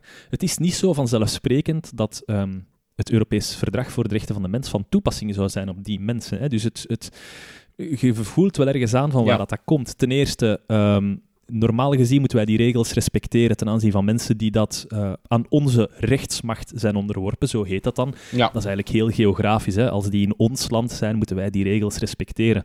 Maar ze zijn niet in ons land. Ze bevinden, on- ze bevinden zich in een Mhm. Belgische ambassade in Libanon. En dan is nog de vraag, ja, maar hoe, hoe zouden we, door het feit dat wij hun een humanitair visum weigeren, hoe zou dat een schending kunnen zijn van artikel 3 EVRM? Ik denk aan de Ja. concrete gevolgen. Hè? Die mensen die stappen die ambassade terug buiten. Zij staan in Libanon, op dat moment voor hun, ik denk, een veilig land. Eh, dat weet ik niet 100% zeker, hè? maar ik, ik, ik denk het. Hè? Mhm. Ehm, Ja, ja. Maar dan is het, dat- wij kunnen er ook niet over beslissen dat die terug moeten gaan naar Syrië. Nee, dat zal dan wel de Libanese staat zijn die dat beslist of dat zij terug moeten gaan naar Syrië. Dus Mhm. Allee, wat ik nu zeg, dat kan zijn dat er fouten in zitten, maar dat, dat is eigenlijk een motivering die zou moeten worden gevoerd in die beslissing. Hè. Wij snappen niet waarom dat artikel 3 zou Ja. zijn geschonden, maar dat is, die motivering is blijkbaar niet gegeven. Ja. Ehm, nee, ik denk eh, minstens toch niet zo omstandig. Want inderdaad, ik, ik deel uw eh, visie daarop. Ehm, natuurlijk, wij, zijn geen experten eh, in, in, Europees, allee, of in artikel 3 rechtspraak. Artikel 3 EVRM rechtspraak. Over artikel 6 EVRM weet ik alles, maar artikel 3 minder. Hè, maar dus, we zijn daar geen experten, maar niettemin ja, lijkt het mij wel far-fetched eh, dat artikel 3 daarvan toepassing zou zijn in die situatie. Net omdat, zoals geschetst, ja, feitelijke macht, hè, rechtsmacht, hebben we daar niet. Hè. Dat is iets anders als je boots on the ground hebt. Hè. Dan durft men wel eens aannemen, oké, je hebt daar ook een feitelijke macht. Dus los van het feit dat je niet op je territorium bent, niet op je grondgebied, heb je daar wel een zekere verantwoordelijkheid. Dat durf ik aan te nemen, maar dat is hier niet het geval. Dus om het zover... het lijkt mij wel als dat het eh, geval zou zijn om artikel 3 daarop van toepassing te, te verklaren, dat lijkt mij vrij verregaand. Ja. Nu, nu denkt de luisteraar waarschijnlijk, waarom wordt dit besproken in het kader van activistische rechters? Wel, het is net eh, die hele beoordeling. Hè. Het, is een, het is een juridische kwestie die blijkbaar toch niet zo duidelijk is. Ehm, althans, ja, er moet over worden nagedacht. En hoe moeilijker dat die juridische kwestie wordt, hoe, hoe groter dat de impact gaat zijn van de rechter. De rechter gaat een beslissing moeten nemen en heel vaak gaat dat ehm, ja, het, het, het, het doorkappen zijn van die Gordiaanse knoop. Van, en nu ga ik zeggen, dan moet er hier worden gevolgd. Nu, belangrijk om erbij te zeggen, dat is ook de Raad voor eh, Vreemdelingenbetwistingen. Je kunt daarvoor in beroep gaan bij ehm, de, de Raad van State, cassatieberoep dan. Dus het, is eigenlijk nog maar een een redelijk lage rechter dat het op dat vlak zegt. Je kunt altijd nog hoger gaan. Dus ehm, het problematische in deze zaak was dat er nadien een andere rechter voortgegaan is met dat ehm, arrest van de Raad voor Vreemdelingenbetwistingen. En die heeft daar dan ook nog een keer een dwangsom van 4000 euro per dag aangekoppeld. Dat is natuurlijk heel dankbaar om naar de buitenwereld toe te zeggen als staatssecretaris voor eh, asiel en migratie van zie een keer, we zitten hier met activistische rechters, want ten eerste, ik moet dat, ehm, dat humanitair visum geven. En ten tweede, als ik het niet doe, dan betalen wij als Belgische staat 4000 euro per dag. Ja, je moet weten, je moet de voorafgaande weten. Hè. Ten eerste, het zijn twee verschillende rechters die dat hier in uitspraak hebben gedaan, namelijk één over de dwangsom en andere over de beslissing zelf. Mhm. En over die Ja. beslissing zelf waren er ook nog twee voorgaande arresten, waarin dat men de overheid heeft aangemaand om actie te ondernemen, en ze hebben dat niet gedaan. Daarnaast durf ik ook te argumenteren, het kan ook gewoon een slecht arrest zijn. Hè. We worden daar dagelijks mee geconfronteerd dat de rechters uitspraak doen over zaken waarin dat zij niet 100% zeker zijn, waar dat zij zelf weinig kaas van hebben gegeten, omdat je heel vaak in een heel gespecialiseerde materie zit. En dat kan ook een slecht arrest zijn. En dat mag. Ons systeem is daarvoor ontwikkeld als slechte arresten. Nadien er sowieso van tussen worden gesmeten. Dus mijn conclusie is: hoe in het recht mocht je alles doen wat je wilt. Je moet het gewoon op een goede manier kunnen motiveren. Je moet het ergens onder kunnen laten vallen. En we hebben hier gezegd, heel vaak is dat mensenrechten. Hè. Mensenrechten zijn vaag omschreven. U heeft het zelf gehoord, we hebben de, eh, we hebben artikelen vermeld. Zijn vaag omschreven. En hoe vager dat, dat omschreven is, ja, hoe meer, hoe meer marge dat je hebt om er iets mee te doen. Ehm, nu, wacht hè. Ja, inderdaad. Dus eh, het is eigenlijk juridisch een dubbeltje op zijn kant. Hè. Juridisch kan het alle kanten uitgaan, omdat het een vaag begrip is. Dus het is eigenlijk... Denk dat dat dat, dat, dat, dat die of die euro daar ligt op zijn kant. Het is 50% kans dat het naar links valt en 50% kans dat het naar rechts valt. Omdat je het juridisch in beide gevallen kunt uitleggen. Dan zit je natuurlijk wel met een probleem als er een rechter is. Als je het gewoon aan een machine overlaat en je laat die dezelfde oefening 100 keer doen, ja, gaat die zaak waarschijnlijk 50 keer naar links zijn gevallen en 50 keer naar rechts. Nu, als je die situatie voorlegt aan een activistische rechter, zal er waarschijnlijk vaker naar links of naar rechts zijn gevallen dan de omgekeerde kant. Zal die zijn politieke voorkeur waarschijnlijk vaker de doorslaggevende impact zijn geweest. Dus ik wil nu aan u, Pieter Jan, voorleggen. Is het inderdaad zo dat hoe juridisch complexer dat een bepaalde beslissing is, hoe meer dat een beslissing vatbaar is voor rechterlijk activisme? Goh, dat is ehm, hoe meer, allee, zeker in zo'n situaties en met mensenrechten, ehm, ja, dat je wel een mogelijkheid hebt hè, eh, als ja, activistische rechters. eh, of, of als ideologisch gekleurde rechter heb je denk ik meer marge om je visie door te drijven. Omdat er niet zoiets is als, eh, wat je er juist ook schetste, goed of fout. Ehm, dus ja, ik, ik denk dat, dat, er, eh, ja, dat je meer, meer eh, vertrouwt op de rechter in, in, in zo'n zaak. Maar ja, wat is het alternatief, hè? Ja, ja inderdaad. Uh, Eh. ik, ik weet het niet. Om de complexiteit nogmaals uh, te benadrukken, die zaak die is op dit moment aanhangig bij het Europees Hof voor de Rechten van de Mens. Um, daar zijn op dit moment al elf landen die dat gevraagd hebben om in die zaak mee betrokken te worden. Dus dat wil zeggen dat zij mee de proceedings opvolgen en dat zij ook adviezen kunnen geven enzovoort. Althans, dat denk ik. Ik ben er niet 100% zeker van. Maar dat getuigt wel van het, van het belang van die zaak. Stel u nu voor dat uh, een humanitair visum moet worden verleend aan die mensen. Hè, dat schept een precedentwaarde. Ja, Pieter Jan, je had vorige keer gezegd, dat zou eigenlijk een luchtbrug creëren tussen elke Europese ambassade, overal ter wereld, en ja. hun thuisland. Ja, dat is hoe dat ik het nu dan lees, met mijn beperkte expertise. Hè. Ik laat me daar graag ja, op, uh, ja, op corrigeren. Maar als ik het nu lees, inderdaad, hè, als er in de veronderstelling dat er daar een oorlog is in Syrië, en dat wij dan verplicht zijn in uh, Libanon om een uh, visum af te geven, lijkt mij dan toch dat iedereen uit Syrië kan, kan uh, naar, de, naar, de, ambassade in Libanon kan komen en iedereen een visum zou krijgen. Allee, ik zie niet in wat dan het argument kan zijn om die andere, ik weet niet hoeveel dat er zijn Syriërs, hè, die andere zoveel miljoen Syriërs, om dan tegen hen te zeggen, ah ja, maar jullie niet. Ja. Ja. Dus allee, ja. dat, dat, lijkt me dan ja, ergens. Ik durf het woord niet gebruiken, omdat je dan natuurlijk binnen een bepaald kamp plaatst waar ik eigenlijk niet wil thuis horen. Welk kamp, Peter Jan? Wat dan? Sorry, zeg je? Welk kamp? Uh, het, het, kamp van, uh, van, van, van. ja. Van de blauwe, van de blauwe t-shirts. Ah ja, ja, ja. Uh, met het witte logo. Met het witte logo. Uh, dat je daar ergens de poorten um, door, door open zet. We hebben ook een wit logo op een blauwe achtergrond. Ja, dat is juist. Dat is juist. Ja. Maar het is een veel mooier logo. Veel mooier logo. Uh, nee, dus ja, dat, dat vind ik moeilijk. Uh, maar ik neem aan dat dat nooit de, de, de draagwijte zal zijn van, van, van de rechtspraak van het Europees Hof voor de Rechten van de Mens. En, en ja, ik zeg, ik ken daar ook te weinig van om daar uh, iets, over, iets zinnigs over, uh, over te kunnen zeggen. Maar ik denk in dit geval ja, was het gewoon weer die kwestie van die motivering. Van, hè, je hebt die aantal kansen gehad. Trouwens, uh, je ziet dat niet enkel... Want hier wordt dan natuurlijk dan weer opgeblazen, activistische rechter, omdat je in dat gevoelige, in die gevoelige materie van asiel en migratie zit. Maar je ziet op andere, uh, op andere of in andere domeinen, hè, een voorbeeldje uh, waarbij een leerling een leerling door de klassenraad uh, een C-attest had gekregen. Um, die uh, aanvocht, waarbij dat de klassenraad uh, quasi krijgt dezelfde beslissing. Hè. Dus in, het wordt inderdaad geschorst, die beslissing van de klassenraad, dat C-attest, verplichting om een nieuwe beslissing te nemen. De klassenraad neemt quasi dezelfde beslissing, of weer met een motivering die er niet toe doet. Komt weer bij de rechter, weer geschorst. Hè. Ook weer dat pingpongen. Uh, ik denk dat het een vijf keer of zo gebeurd is. Uh, bij de, kwam bij de Raad van State. En uiteindelijk heeft de Raad van State daar ook gezegd tegen uh, de klassenraad: Oké, okay, nu heb je genoeg tijd gehad. nu verplichten wij u om een A-attest te geven.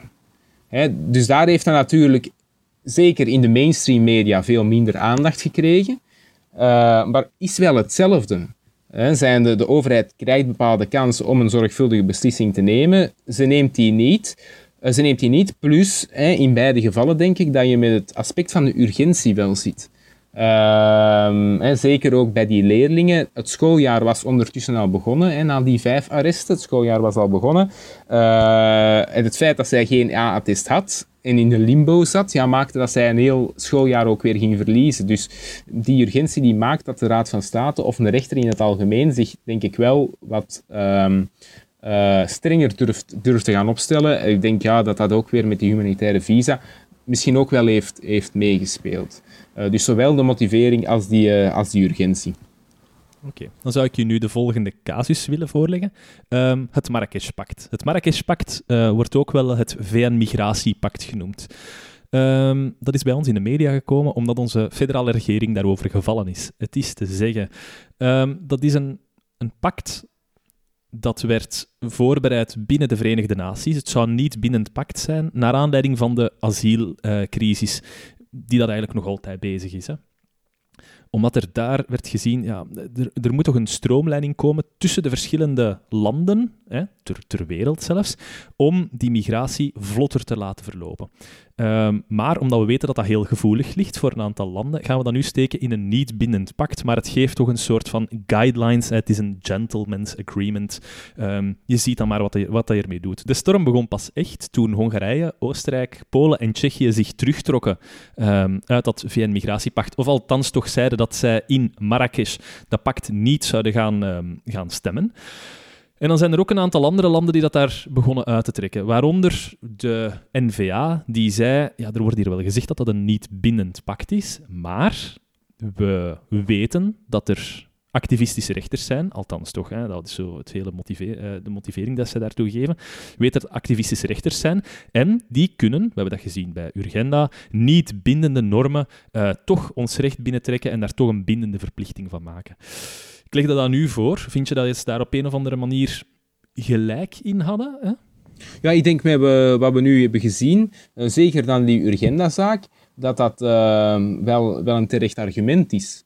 Uh, hè, het, er werd dan altijd mee geschermd van, uh, de andere, door de andere partij dan. Hè. Het is inderdaad geen juridisch bindend verdrag mag wel zo zijn, maar inderdaad, en ik denk dat ze daar een punt hebben. Ehm, als je als overheid bepaalde toegevingen doet of bepaalde commitments doet, ja, dan kan dat wel vandaag of morgen eens via de zorgvuldigheidsplicht, via grondrechten, uh, terug, terugkomen. Ik, ik, vind dat ook niet problematisch. Mij lijkt dat logisch dat als je zo'n engagement aangaat, dat je daar ergens uh, verantwoordelijk kan voor worden gesteld.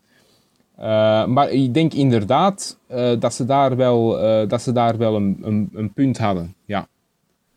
Ik, al ja, het, het, probleem met het migratiepact in hoofden van vele staten was dat het nogal positief was opgesteld. Het, het focust zich eigenlijk rond de intrinsieke voordelen van migratie. Um, en een van de doelstellingen van dat pact zou zijn dat bijvoorbeeld lidstaten geen migranten opsluiten, behalve als het echt niet anders kan. Ze zoeken steeds naar alternatieven. Ja, nu, gevoel al meteen, in België kan dat wel al een beetje problematisch zijn. Hè? We mhm. zitten wel met zo van die instellingen, half open, gesloten instellingen. Um, het kan wel echt zijn dat je daar later voor op de vingers wordt, mhm. getikt, eh, wordt getikt door zo van die maatregelen. Plus ook, het is een beslissing geweest van de NVA om de stekker dan uit de regering te trekken. Daardoor zitten we op dit moment zelfs nog altijd niet met een volwaardige, uh, volwaardige regering. Um, de NVA zat ook wel in een bijzondere positie, omdat de uh, gemeenteraadsverkiezingen eraan kwamen. En bepaalde politieke journalisten zeggen NVA moest op dat vlak zijn rechterflank beginnen afdekken, omdat ze zagen dat ja, het Vlaams Belang um, werd groter en sterker. Dus zich afzetten tegen zo'n pro-immigratiepact dat kan misschien wel goed komen. En langs de andere kant had de NVA natuurlijk ook het probleem van zijn uh, schepen, denk ik dat dat was, in Mechelen, Melikan Kucham, die dat hmm. tegen opbod uh, humanitaire visa verkocht.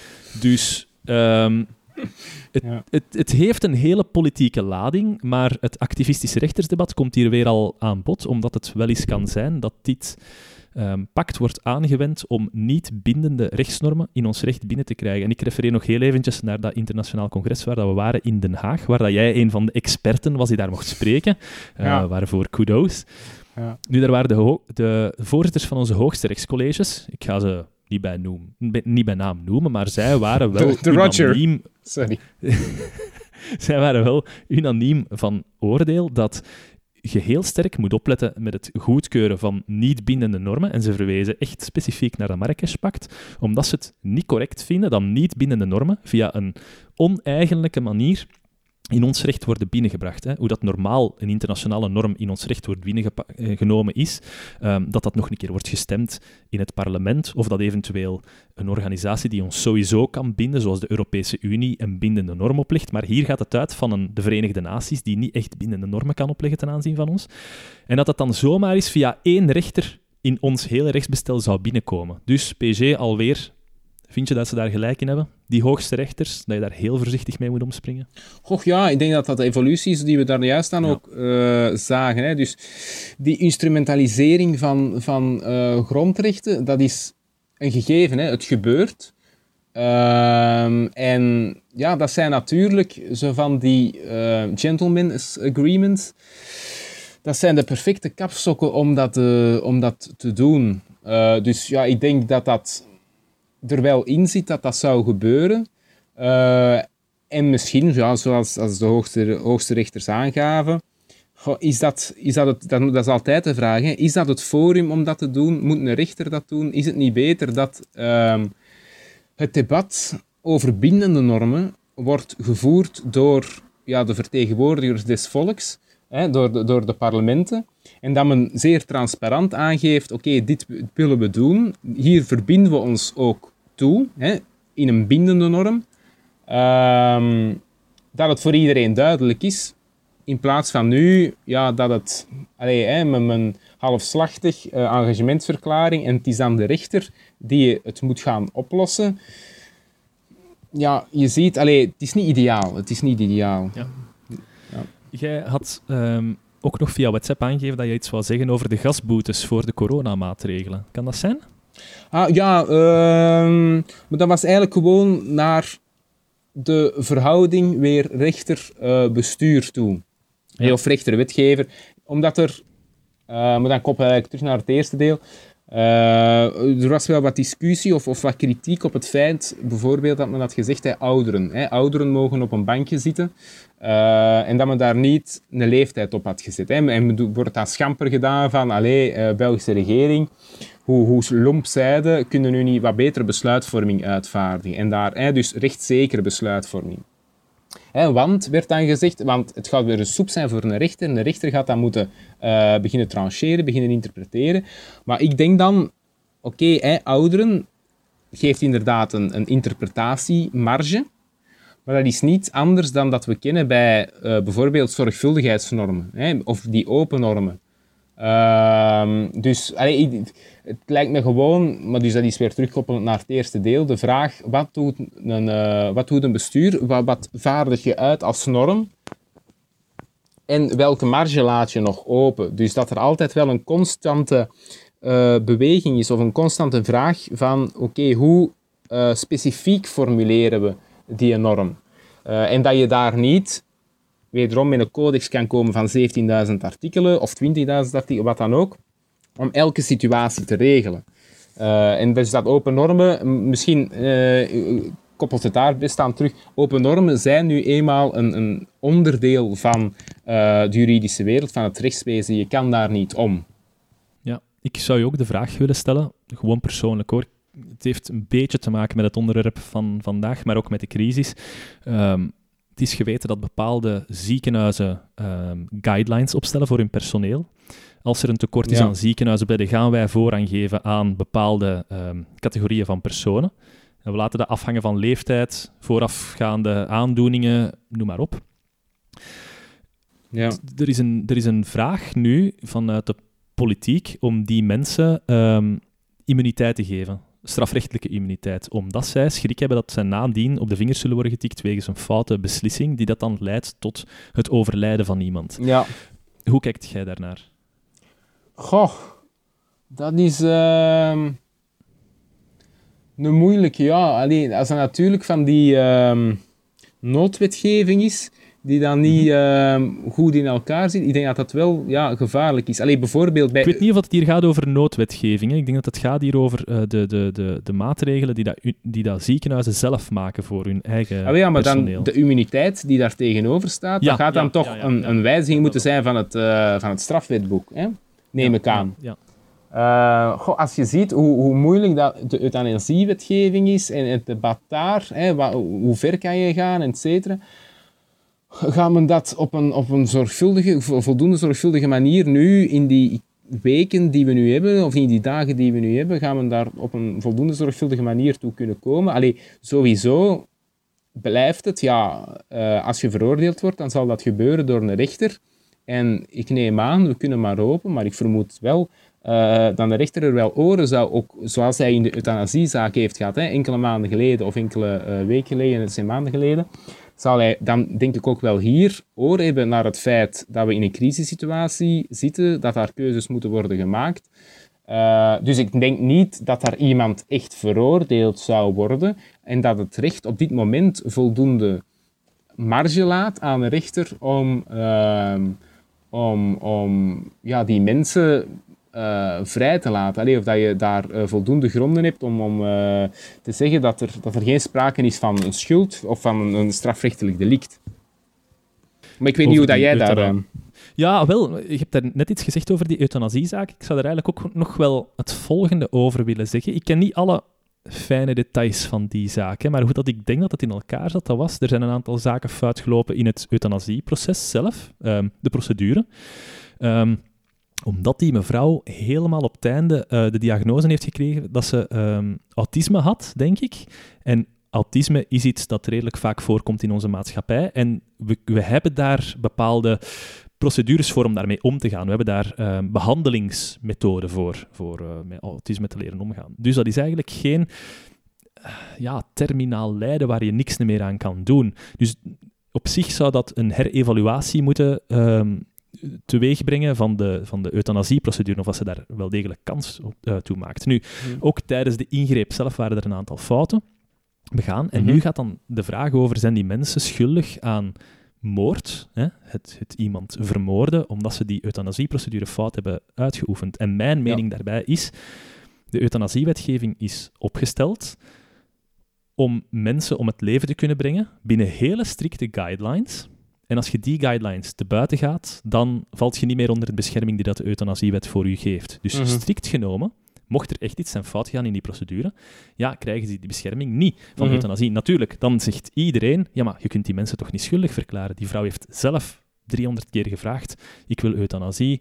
Ik denk misschien ook al een keer een zelfmoordpoging gepleegd. Maar dat wil niet zeggen dat je die mensen moet vrijspreken op dat vlak. Je kunt bijvoorbeeld zeggen, U wordt schuldig bevonden Mhm. wegens het overtreden van euthanasie en daardoor valt je onder de strafwet. Maar wij gaan uw straf kwijtschelden of zoiets. Allee, er bestaan Ja, ja. andere methoden voor om daarmee om te gaan. Het nadeel van wat dat er nu is gebeurd, is hè, we, u bent onschuldig op dat vlak. Ja, dat gaat natuurlijk de... Waar, dan zitten we op een hellend vlak. Hè. Waar, als we dan toch mogen afwijken van de strikte euthanasieprocedure, waar gaan we dan op dit moment naartoe? Ja. Ehm, dat is ook onlangs gebeurd bij die. Ehm, er is een zaak geweest in België waar dat onze prof eh, Steven Lierman uitspraak over heeft moeten doen. En dat was naar aanleiding van een Franse documentaire, Pano-achtig, eh, volgden ze een aantal euthanasiedokters. En ehm, een van die dokters was Belgisch en die gaf aan een vrouw een gifbeker. Hè? Dat is eigenlijk gewoon een glas met limonade. Het lijkt op limonade. Die vrouw die drinkt dat leeg, dan wordt gefilmd door de camera. Die, meneer vraagt aan die mevrouw, ah, gaan we een keer gaan liggen? En die mevrouw zegt, ja, we zullen straks wel gaan liggen. En die, nee, nee, leg u nu maar. En binnen, binnen een minuut was ze dood of zoiets. Ehm, dat is geen correcte manier om euthanasie uit te voeren. Zeker en vast niet. Dat staat nergens omschreven dat dat correcte manier is. Ja, kun je die persoon dan strafrechtelijk vervolgen? Ik denk ja, maar wat het Openbaar Ministerie in dit geval heeft gedaan, is het Openbaar Ministerie heeft, ehm, ik denk, geseponeerd zelfs. Dus het Openbaar Ministerie heeft de beslissing genomen om die zaak niet te vervolgen, omdat ze zeiden, het is eigenlijk een soort van passieve... Allee, ja, ik spreek nu echt uit ehm, dingen dat ik nog weet van een aantal maanden geleden, hoor, dus dat is totaal niet vers. Maar ehm, passieve hulp in de, in de zelfdoding of zoiets. Ehm, wat vind jij daar dan van? Dat is toch... Dat is, eh, voornamelijk dat het Openbaar Ministerie die beslissing maakt. Vind je dat het Openbaar Ministerie daar, moet in, eh, daar die beslissing in moet nemen? Om even voor de luisteraar, het Openbaar Ministerie is dus een stap vooraleer dat je naar de rechter gaat. Hè. Dus de politie geeft het dossier aan het Openbaar Ministerie en die gaat dan uiteindelijk gaan beslissen, gaan wij deze zaak vervolgen voor een rechtbank of gaan we dat gewoon klasseren zonder gevolg? Ja. Ah, wel, maar dat vind ik eigenlijk wel een zeer interessante vraag. Eh, maar die we misschien eigenlijk eens in, in een afzonderlijke context eh, of een afzonderlijke podcast moeten, moeten behandelen. Mhm. De vraag inderdaad, wat doet een openbaar ministerie en welke... Want oké, hier gaat het dan over seponeren. Hè. Je hebt ook de mogelijkheid om plea bargaining, hè, om, om, om Mhm. eh, te, te, bijna te contracteren over een bepaalde de straf. Goh, ja, idealiter als je natuurlijk een, een maximum van, van resources hebt, ja, als er eh, sprake is van een bepaald, eh, bepaalde delictuele eh, omschrijving, alleen of als men een bepaald delict mogelijkerwijze heeft gepleegd, moet dat naar de rechter gaan en is de rechter die daarover moet oordelen. Maar je ziet dat in, verschillende ehm, zaken terugkomen. Hè? Dat seponeren, dat men dus omwille van... Oké, het kan dan zijn dat er te weinig bewijs is, dat is één zaak. Maar het kan ook perfect zijn omwille van opportuniteitsmotieven. Dat men eh, zegt dat men niet gaat vervolgen. Omdat het niet prioritair Eh, is, bijvoorbeeld. Voilà, voilà inderdaad. Ja, op zich... Je haalt dat nu aan in, in, die, eh, in, in eh, die polemiek van, van euthanasie, maar ook in tal van andere zaken zit je natuurlijk met dat probleem. Gewoon iets van, ja, er zijn onvoldoende resources om alles te vervolgen. Ja. Dus men maakt, daar, men maakt daar keuzes. Ja, is dat problematisch? Ehm, Ik vind hier wel, het is... ehm, ik ben niet zo'n fan van CD&V als partij op zich, omdat ik vind dat die weinig... onterecht. Ja, want ik vind dat die weinig ruggengraat hebben. Maar op dit vlak, hè, CD&V woest- wist, we moeten ons terug ergens beginnen, gaan, eh, beginnen profileren. En dit is natuurlijk wel het, het moment om u te profileren als christelijke partij, hè, christendemocratische Ja. partij. Als het gaat over bescherming van leven, en, en zeker van kwetsbaar leven, ja, vind ik dat hier toch wel een uitgelezen kans. En die taak hebben ze ook ter harte genomen. Omdat het euthanasiedebat een heel gevoelig debat is. Dat moet worden gevoerd op maatschappelijk vlak. Mhm. Eh, en daarbij denk ik niet aan Twitter, maar daarbij denk ik aan duidingsprogramma's en allee, honderden aan elkaar, waarin dat we alles zorgvuldig afwegen, eh, de mensen aan het woord laten. En wat dat je nu ziet, is dat er eh, in een aantal heel beschermde omgevingen, zoals het Openbaar Ministerie, zoals een zaak voor assise, dan wordt beslist, ja oké, de euthanasiewetgeving zegt wel dat, maar wij laten die andere zaken dan net buiten de lijntjes zijn gekleurd, wij laten die er eigenlijk ook nog wel onder vallen. En zo'n zaak Hmm. zou, mijns inziens, niet voor assise moeten gebracht worden. Assise is bedoeld om, zeker in een tijd van, ehm, waarbij dat... Ehm, wacht, hoe ga ik het hier moeten gaan uitleggen? Als er drukpersmisdrijven bijvoorbeeld, als je echt aanstootgevende pamfletten wilt maken die oproepen tot revolutie enzovoort, als je die gaat laten beslechten voor, als de koning het daar niet mee eens is en die stuurt die persoon voor een rechter, ja, de kans is redelijk groot dat die rechter ehm, affiniteit heeft met de koning, de aristocratie, zoals jij daarnet al zei. Dus daarom wordt er gezegd, dergelijke misdrijven die moeten worden behandeld voor een jury van peers, hè, van, van de mensen zelf. Dat is een mensenjury. Dat is dat is het Hof van Assise. Maar het Hof van Assise is niet de juiste plaats om zo'n danig technische kwestie te gaan behandelen, omdat de mensen geen als, ze, als geen achtergrond hebben in het recht, ehm, ook niet zo snel die abstractie maken, die gevoeligheden laten wegvallen. Ehm, er wordt dan veel te vaak gedacht aan hoe kunnen we die mensen nu schuldig verklaren als zij die vrouw haar laatste wens hebben gehonoreerd. Dat is iets wat je daar compleet van los moet zien. En daar zou een andere rechter, een beroepsrechter, die abstractie kan maken van die gevoeligheden, veel beter uitspraak over kunnen doen. Maar swat, dat is nu niet... Ik pleit niet per se tegen het Hof van Assise. Dat is gewoon... Ik vind niet dat deze zaak voor Assise zou moeten verschenen zijn. Ik weet dat mhm. dat weinig te maken heeft met activistische rechters. Maar ja, het heeft, er, het heeft er een beetje mee te maken. Ja, Nee, het moest gezegd worden. Het moest eens gezegd worden. Hebben we daar, uh, hebben daar toevallig nog een mening over van de, de charmezanger uh, Jan Smit? Jan Smits heeft daar geen mening over. Nee, nee, nee die heb ik niet. Spijtig. Wat, wat, vind, wat vind, jij van de mensen die um, met dit terrasjes weer de coronamaatregelen stilletjes aan beginnen te overtreden? Uh, ja, wel, dat is inderdaad het gevaar hè, dat men nu zegt. Uh, er is de laatste dagen wat positiever nieuws. Hè, dus ja? de cijfers lijken wat af te nemen. En dan de doden meteen... zijn nog altijd hoog, hè?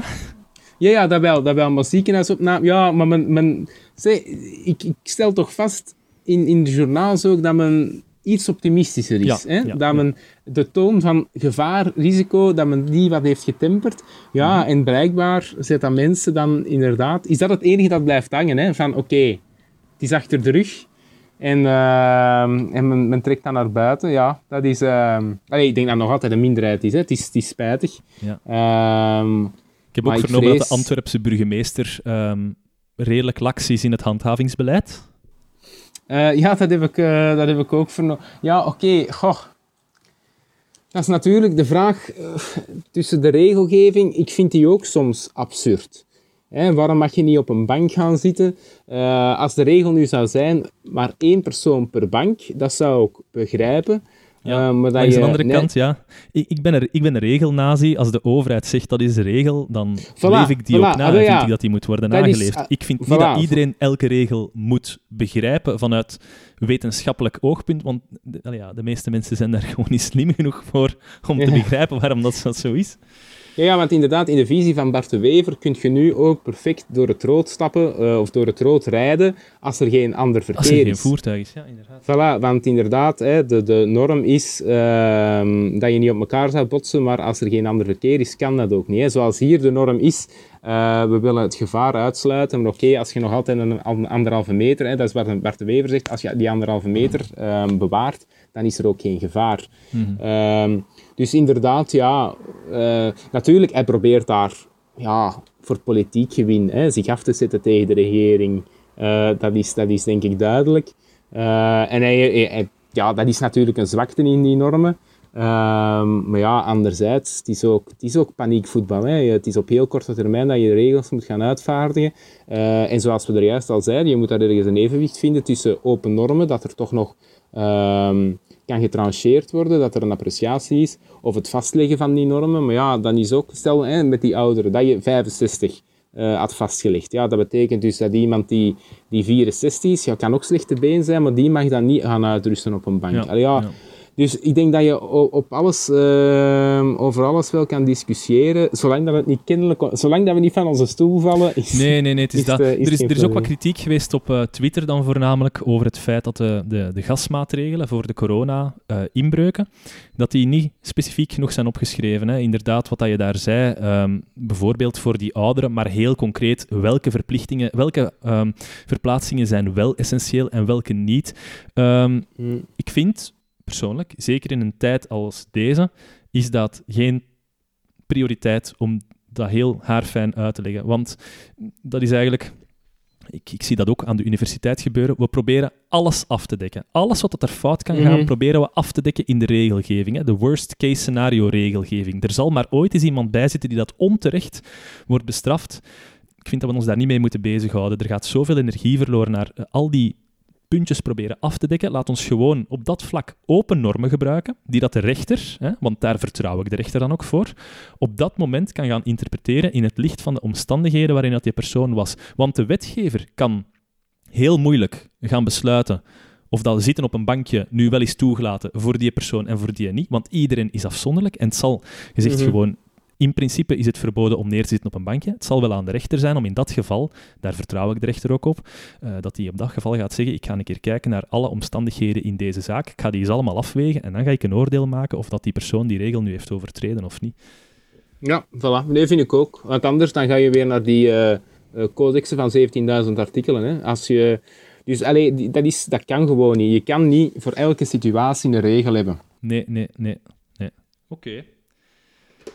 Ik denk dat wij een, eh, een mooie corona-episode hebben. Over activistische Absoluut. rechters. Weet je al waar dat je Ja. het volgende keer over zou willen hebben eigenlijk? Want dan gaat het vermoedelijk terug tussen ons zijn. Over uw schone ogen.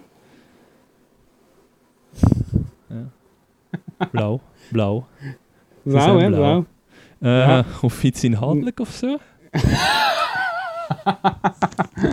Eh, nee, geen idee. Misschien moeten we eh, de luisteraars eh, eens vragen over, dat, over welke onderwerpen dat zij wat meer zouden willen horen. Ja, we moeten het er wel iets over ook- kennen, hè? Ja, ja, dat is juist, dat is juist, ja. Eh, ja, dan gaat het weer juridisch of iets geschiedkundig zijn, ja. Ja, het is dat. Ik, eh, Of iets wetenschappen, maar dat is dan iets waar dat jij eh, gaat nee, moeten nee, trekken, nee. want ik ken, Goed daar, zo. ik ken daar veel te weinig van. Oké, goed. We zullen, we zullen het hier afsluiten. Aan alle luisteraars, bedankt om het tot hier vol te hebben gehouden. We hopen dat jullie iets hebben geleerd over de activistische rechters, dat dat iets duidelijker is geworden. Algemene conclusie, PJ, in de besproken zaken. Vind jij dat er sprake is van activistische rechters eigenlijk? Echt in een nutshell.